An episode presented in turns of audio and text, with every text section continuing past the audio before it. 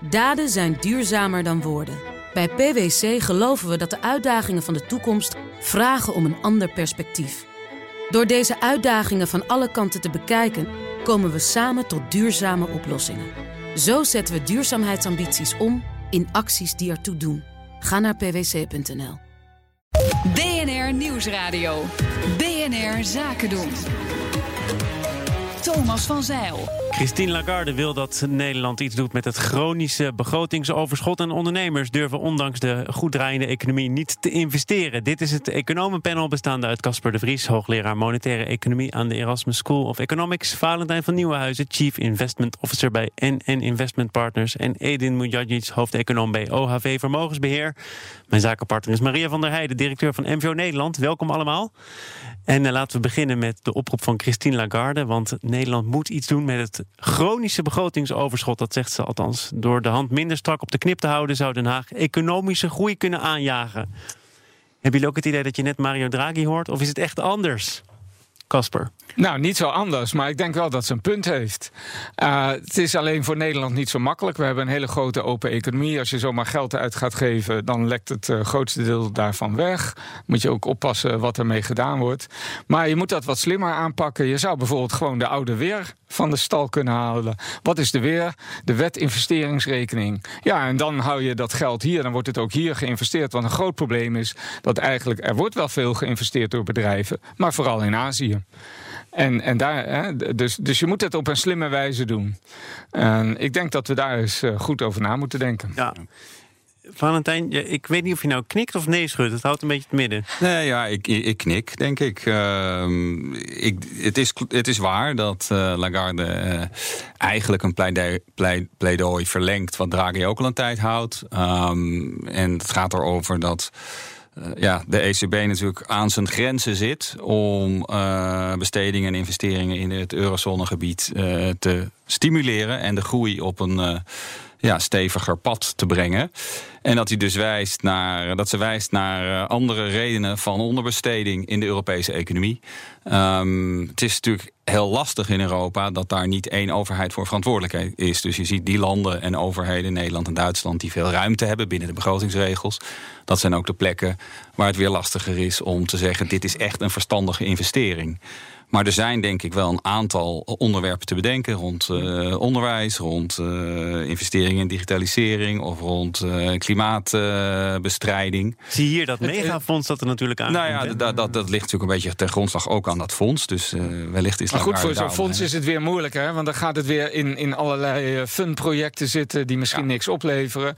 Terwijl als je de prikkels legt bij de ondernemers, dan is het denk ik effectiever. Ja. En ook niet het geld naar het buitenland laat gaan. Maar het is volledig volledig voor, volgens de tekstboekjes. Op, als de rente nul is, dan moet je geen monetair beleid voeren, maar fiscaal beleid. Het is, uh, het is volgens de tekstboekjes. Uh, maar heeft ze er iets over te zeggen? Het antwoord is dus nee. Ja, Lagarde niet, maar ze kan, uh, ja, ze kan wel. Probeert de druk op te voeren. Ja. Ze, ze, gaat er maar niet over, kijkt... net zo goed als politici niet over het monetair beleid gaan. Die zeggen daar ook wat van. Dus ja, uh, ze zegt wat terug. Als je kijkt waar ze het in de afgelopen zeven dagen over had, is zij wil dus voorschrijven hoe de regeringen hun geld moeten wel of niet uh, gaan, gaan, gaan uitgeven. En ze wil uh, uh, het beleid van de ECB inzetten tegen strijd tegen klimaatverandering en de mogelijke effecten daarvan op de inflatie. ik weet niet hoe het met jullie zit, maar ik Kijk, we wisten ik allemaal. Weet hoe het met jou zit als je er zo over praat. Wij wisten allemaal dat ze geen monetaire achtergrond had. Maar ik ging er toch echt vanuit dat ze wist wat een centrale bank is. En wat de centrale bank hoort te doen. Ja, maar... En zij, zij, zij laat nu zien, in mijn ogen is ze de verkeerde persoon bij, op de verkeerde baan op het verkeerde moment. Ja, dat vind je volgens mij al van voordat de eerste dag Nee, maar weet je wat het is? Jij was gewoon geen voorstander van deze benoeming. Je begint net. Je moet acht jaar zitten. Je hebt een bestuur van de ECB waar de saamhorigheid grotendeels weg is. Als je dan als eerste opmerking maakt... Duitsland en Nederland moeten meer gaan investeren... ik ben het helemaal, helemaal met, met, haar eens. Als je als, als je als land nu ruimte hebt om te investeren... en je doet het nu niet, wanneer dan wel? Maar dat is toch ja. dezelfde opmerking als die van haar vorige Maar ze had, ook, ze had daar geen punt achter moeten zetten, maar een komma. En vervolgens de landen zoals Italië en haar eigen thuisland Frankrijk... moeten oproepen om zich nou te houden aan Europese begrotingsregels. Dan was iedereen tevreden. Maar- nu maar- ga je in feite de schuld van mogelijke economische neergang schuiven in de schoenen van Duitsland en Nederland. Ik, dan ga je echt heel ver, denk ik. Nou, ten eerste schrijft ze niet voor hoe die besteding of vooral die investeringen gedaan moeten worden. Ze, legt gewoon uit dat de ECB het beleid enorm verruimd heeft. Dat de respons die je misschien traditioneel zou verwachten, namelijk lagere rentes leiden tot meer bestedingen en meer investeringen, dat we die niet hebben gezien. Je ziet het bedrijfsleven alleen maar meer sparen. Je ziet eh, huishoudens ook alleen maar meer sparen en hun hypotheken afbetalen. Ehm, dus ze wijst gewoon op het punt dat er grenzen nu zijn aan wat monetair beleid nog kan doen om de economie op een hoger groeipad te brengen, om productiviteit verder te stimuleren in de economie. En eh, ze legt daarmee, en dat heeft Draghi ook gedaan, dus in die zin is geen andere centrale bankier dan Draghi. Eh, ja, eh, roept ze de, de politici op om hun verantwoordelijkheid te nemen. voor zover zij die investeringsagenda kunnen aanjagen. Ja, ze deden natuurlijk ook wel slim, net voordat ze eh, in functie zou treden. Oh, je denkt dat ze een dag, la- een dag later dat allemaal wat minder stevig zou roepen? Ik denk dat ze een dag later niet meer expliciet die twee landen bij naam zou noemen. Nee, maar iedereen weet natuurlijk, hoe expliciet of niet, dat het om die twee landen gaat, toch? Zou je ook niet kunnen zeggen, dat zijn de landen die zich allemaal keurig aan allerlei begrotingsregels houden. Dat moet je prijzen en je hoeft ze verder niet op te roepen om... Ja, maar om de begrotingsregels zijn uiteindelijk de verantwoordelijkheid van die politici. Hè. Daar gaat nou weer de ECB niet over. Eh, Dus daar moet houden ze daar zich niks over netjes zeggen? aan. Maar die, Duitsland heeft een overschot hè, als land van besparing van 10% van het binnenlands product. Nederland ongeveer 8%. Eh of nee, het is andersom zelfs. Nederland is hoger, ja. hoger dan, eh, dan Duitsland. Dus ja, wij exporteren enorme hoeveelheden besparingen naar de rest van de wereld. Bijvoorbeeld om investeringen te doen in, eh, in emerging markets. Waar het voor vaak voor het bedrijfsleven dan als aantrekkelijker wordt gezien. Dan stijpelt het dus weer weg. Nou, dan zijpelt het ten dele weg. Of het zijpelt kapitaalmarkten in, waar iedereen dan verbaasd is eh, dat rentes nog lager wo- worden. Maar er is gewoon een enorm overschot aan besparingen wereldwijd. En dat drukt die rentes minstens even hard naar beneden als dat het beleid van de ECB doet. Ja. Eh, Ik hoorde net eh, Casper wat kritisch zeggen over dat investeringsfonds. Misschien wordt dat wel uitgegeven om een mooie sier te maken Ja. voor de fun. Maar is hiermee dan toch ook niet voor een deel die kritiek weerlegd? Namelijk, we gaan investeren en het gaat om serieuze bedragen. Dus we doen wat we kunnen doen. Nou ja, dat moeten we nog, nog, nog zien. Hè. De, de, de details en hoe ze het in de praktijk gaan brengen, dat, eh, dat is nog niet helemaal duidelijk. Maar het is natuurlijk wel ook een terecht punt. Het is ook in Japan bijvoorbeeld heb je dit soort voorbeelden gezien. Je moet heel zorgvuldig zijn met als je dan zo'n investeringsagenda uitrolt, om te zorgen dat die inderdaad goed gericht is en dat die toekomstige eh, productiviteit in de economie en toekomstige langetermijn groei verder versterkt. En niet gewoon uit, uitgaven gedaan worden die eigenlijk maar van tijdelijke aard zijn. Ja, infrastructuur ligt natuurlijk gedeeltelijk bij de overheid. Maar ja, waarom niet de prikkels bij de, bij de ondernemers leggen? Als je een weer hebt, een investeringsaftrek, ja, dan, dan is het echt de prikkel. Hè? Want de voorwaarde is dan dat het in Nederland gebeurt. Dan eh, veel effectiever. Want ook bij hele grote infrastructurele projecten heb je kans dat het een buitenlandse bouwondernemer is die ermee gaat lopen. Ja, maar wat je wel ziet natuurlijk is dat de, de, de financieringskosten voor het bedrijfsleven zijn al enorm gedaald de afgelopen jaren. Je ziet het Zeker. midden- en kleinbedrijven, maar je ziet het ook bij de grote beursgenoteerde bedrijven. Eh, en ze zien op dit moment eh, gewoon niet genoeg aantrekkelijke investeringskansen. Of ze zien te veel onzekerheid rond die investeringskansen. Ik, ik en wil dat zo meteen met jullie nog praten over hoe en of het MKB bijvoorbeeld eh, eh, investeert of niet. Toch nog even naar hoe dat miljardenoverschot van de overheid zou moeten worden geïnvesteerd als je het aan de Nederlanders vraagt. Eh, dat heeft de NOS gedaan, uitgevoerd door Ipsos. Een meerderheid zegt investeer het aan salarissen voor mensen die werken in de publieke sector. 42% wil dat de inkomens van werknemers bij de politie, mensen in de zorg en het onderwijs worden verhoogd met dat geld. Is dat een goede bestemming? Denk het niet. Ik denk dat je daar heel voorzichtig naar, mee gaat moet toch zijn. weer naar bedrijven. Nou, je, moet- je moet dat evenwichtig doen, maar die, die, die loondruk die komt er vanzelf wel. Neem alle demonstraties. Ik denk toch dat je moet beginnen bij eh, productieve investeringen. En dan in laatste instantie, waar misstanden zijn, die moet repareren. Ja, en zijn die misstanden er wat jou betreft? Ja, die, eh, nou, Dus dan zou je het ook in de publieke sector kunnen investeren. gedeeltelijk, maar zeer gedeeltelijk. Nog eventjes om, eh, om af te sluiten, Edin. Er kwamen ook nog cijfers over de eurozone, de groei van de economie. Daarvan werd gezegd, ja, het is iets meer dan we dachten. Het houdt nog altijd misschien niet over, maar wat, wat eh, maak jij ervan? Nou ja, kijk. Je kunt niet zeggen dat het op dit moment heel slecht gaat economisch bij ons. Dat is absoluut niet waar. Uh, je kunt wel zeggen, dat is wat het IMF laatst ook zei, de, de, de, de vooruitzichten die zijn wel slechter. En vandaar dat ik het toch eens ben met de nieuwe president van de ECB. De landen die die ruimte hebben, die moeten het nu gaan inzetten. Want we weten allemaal, tussen het moment dat je besluit om extra te investeren en het effect van die investering op de groei, dat gaat niet van de ene week op de andere. Er gaan maanden, soms wel jaren overheen. Dus je moet het nu gaan inzetten. Dus Ehm, je bent het eens met wat ze zegt, maar niet met hoe ze het zegt. Ik ben het ontzettend eens met wat ze zegt. Alleen wat, wat, wat, ik, eh, wat ik niet kan begrijpen is dat ze de twee landen die zich doorgaans hebben gehouden aan alle regels sinds de oprichting daaruit haalt. In, in een ehm, Wa- Wacht even, Ander deel Duitsland van heeft natuurlijk in 2004 ook de, de doorgaans zaak zeg ik. aan de Door- ik, ik zeg niet de hele tijd, maar doorgaans. Het zijn de landen die toen ze op, eh, in, in één jaar te groot begrotingstekort hadden, meteen een jaar daarna het begrotingstekort gerepareerd hebben. Dus die, die hielden zich aan aan de regels. Die haal je er nu uit en zeggen, nou, die gedragen zich Maar het is toch logisch dat je de landen eruit haalt die ook geld te investeren hebben? Het, is, het zou ook logisch zijn geweest als je landen aanspreekt die, al, eh, die zich structureel niet houden aan die eigen regels, om die ook aan te spreken. En dat heeft ze nagelaten. Dat onderschrijf ik natuurlijk. Dus het is toch een kwestie van punten en komma's. Geluk, ja, uiteindelijk wel, ja. De gast is het Economenpanel. En Maria van der Heijden, mijn zakenpartner, directeur van de MVO Nederland. Het Ec- Economenpanel bestaat uit Casper de Vries, hoogleraar monetaire economie aan de Erasmus School of Economics. Valentijn van Nieuwenhuizen, Chief Investment Officer bij NN Investment Partners. En Edin Mujadjic, hoofdeconoom bij OHV Vermogensbeheer. We hadden het net over investeren. De overheid zou dat moeten doen als je het aan Christine Lagarde vraagt. Eh, misschien geldt het ook voor MKB'ers. MKB Nederland houdt dat bij. Volgens de ondernemersorganisatie komt dit eh, niet alleen door de Brexit en de handelsoorlog. En dan hebben we het over het feit dat ze niet voldoende of eigenlijk nauwelijks investeren. Blijft achter bij wat je misschien zou mogen verwachten, omdat geld goedkoop is. Het gaat toch allemaal goed. Ehm, en toch doen ze het niet. Valentijn, waarom doen ze het niet?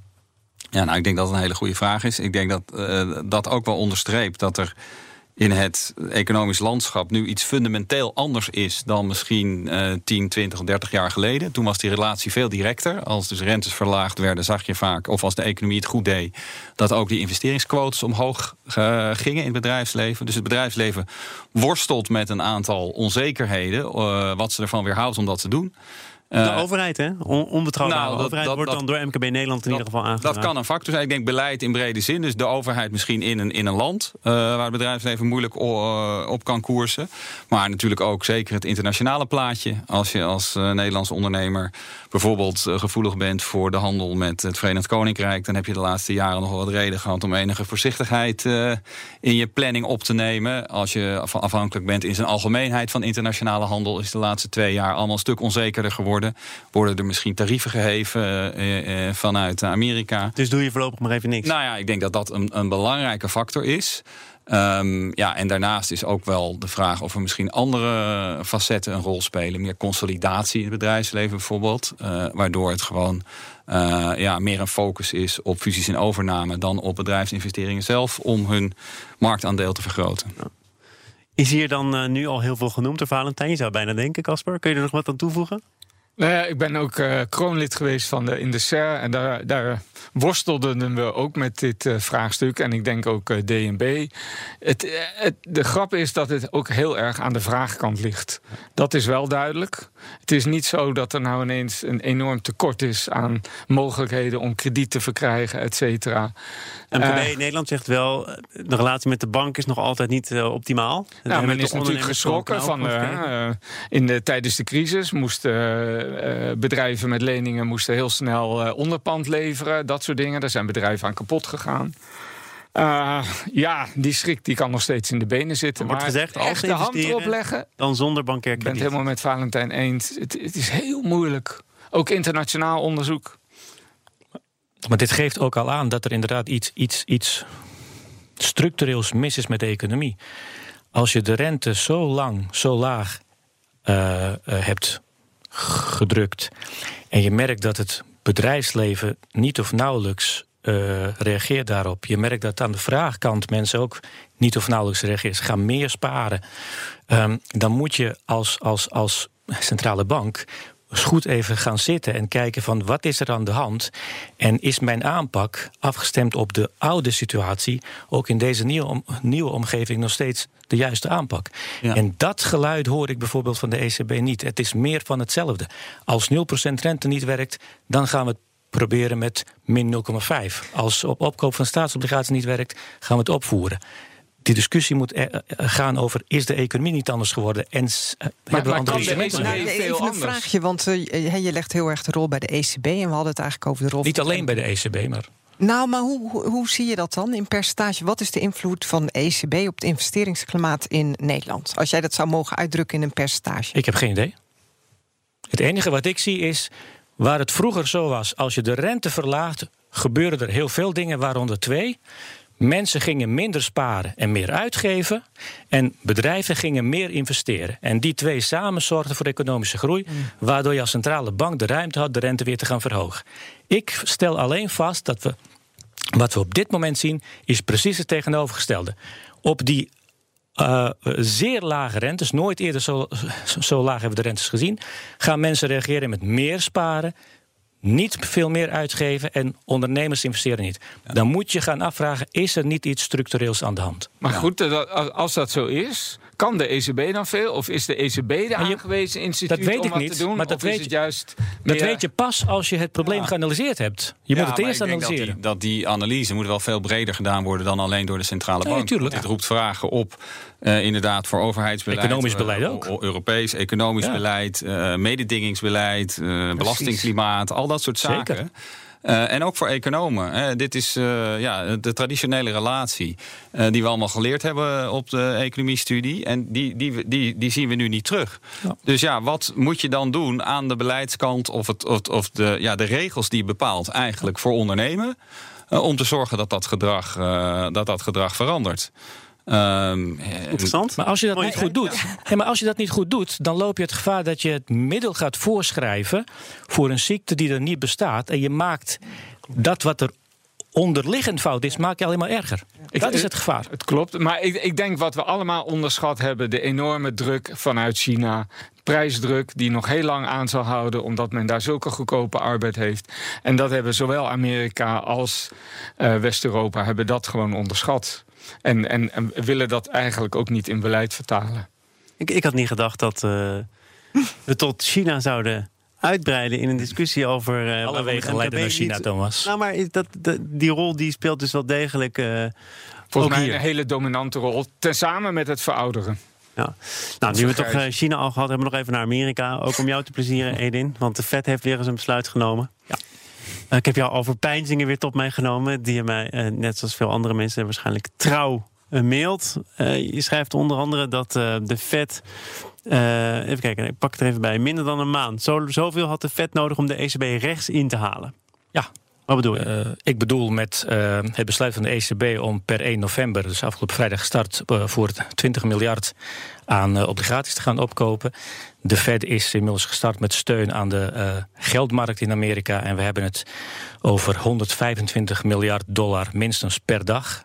En minstens 45 miljard dollar om de twee weken.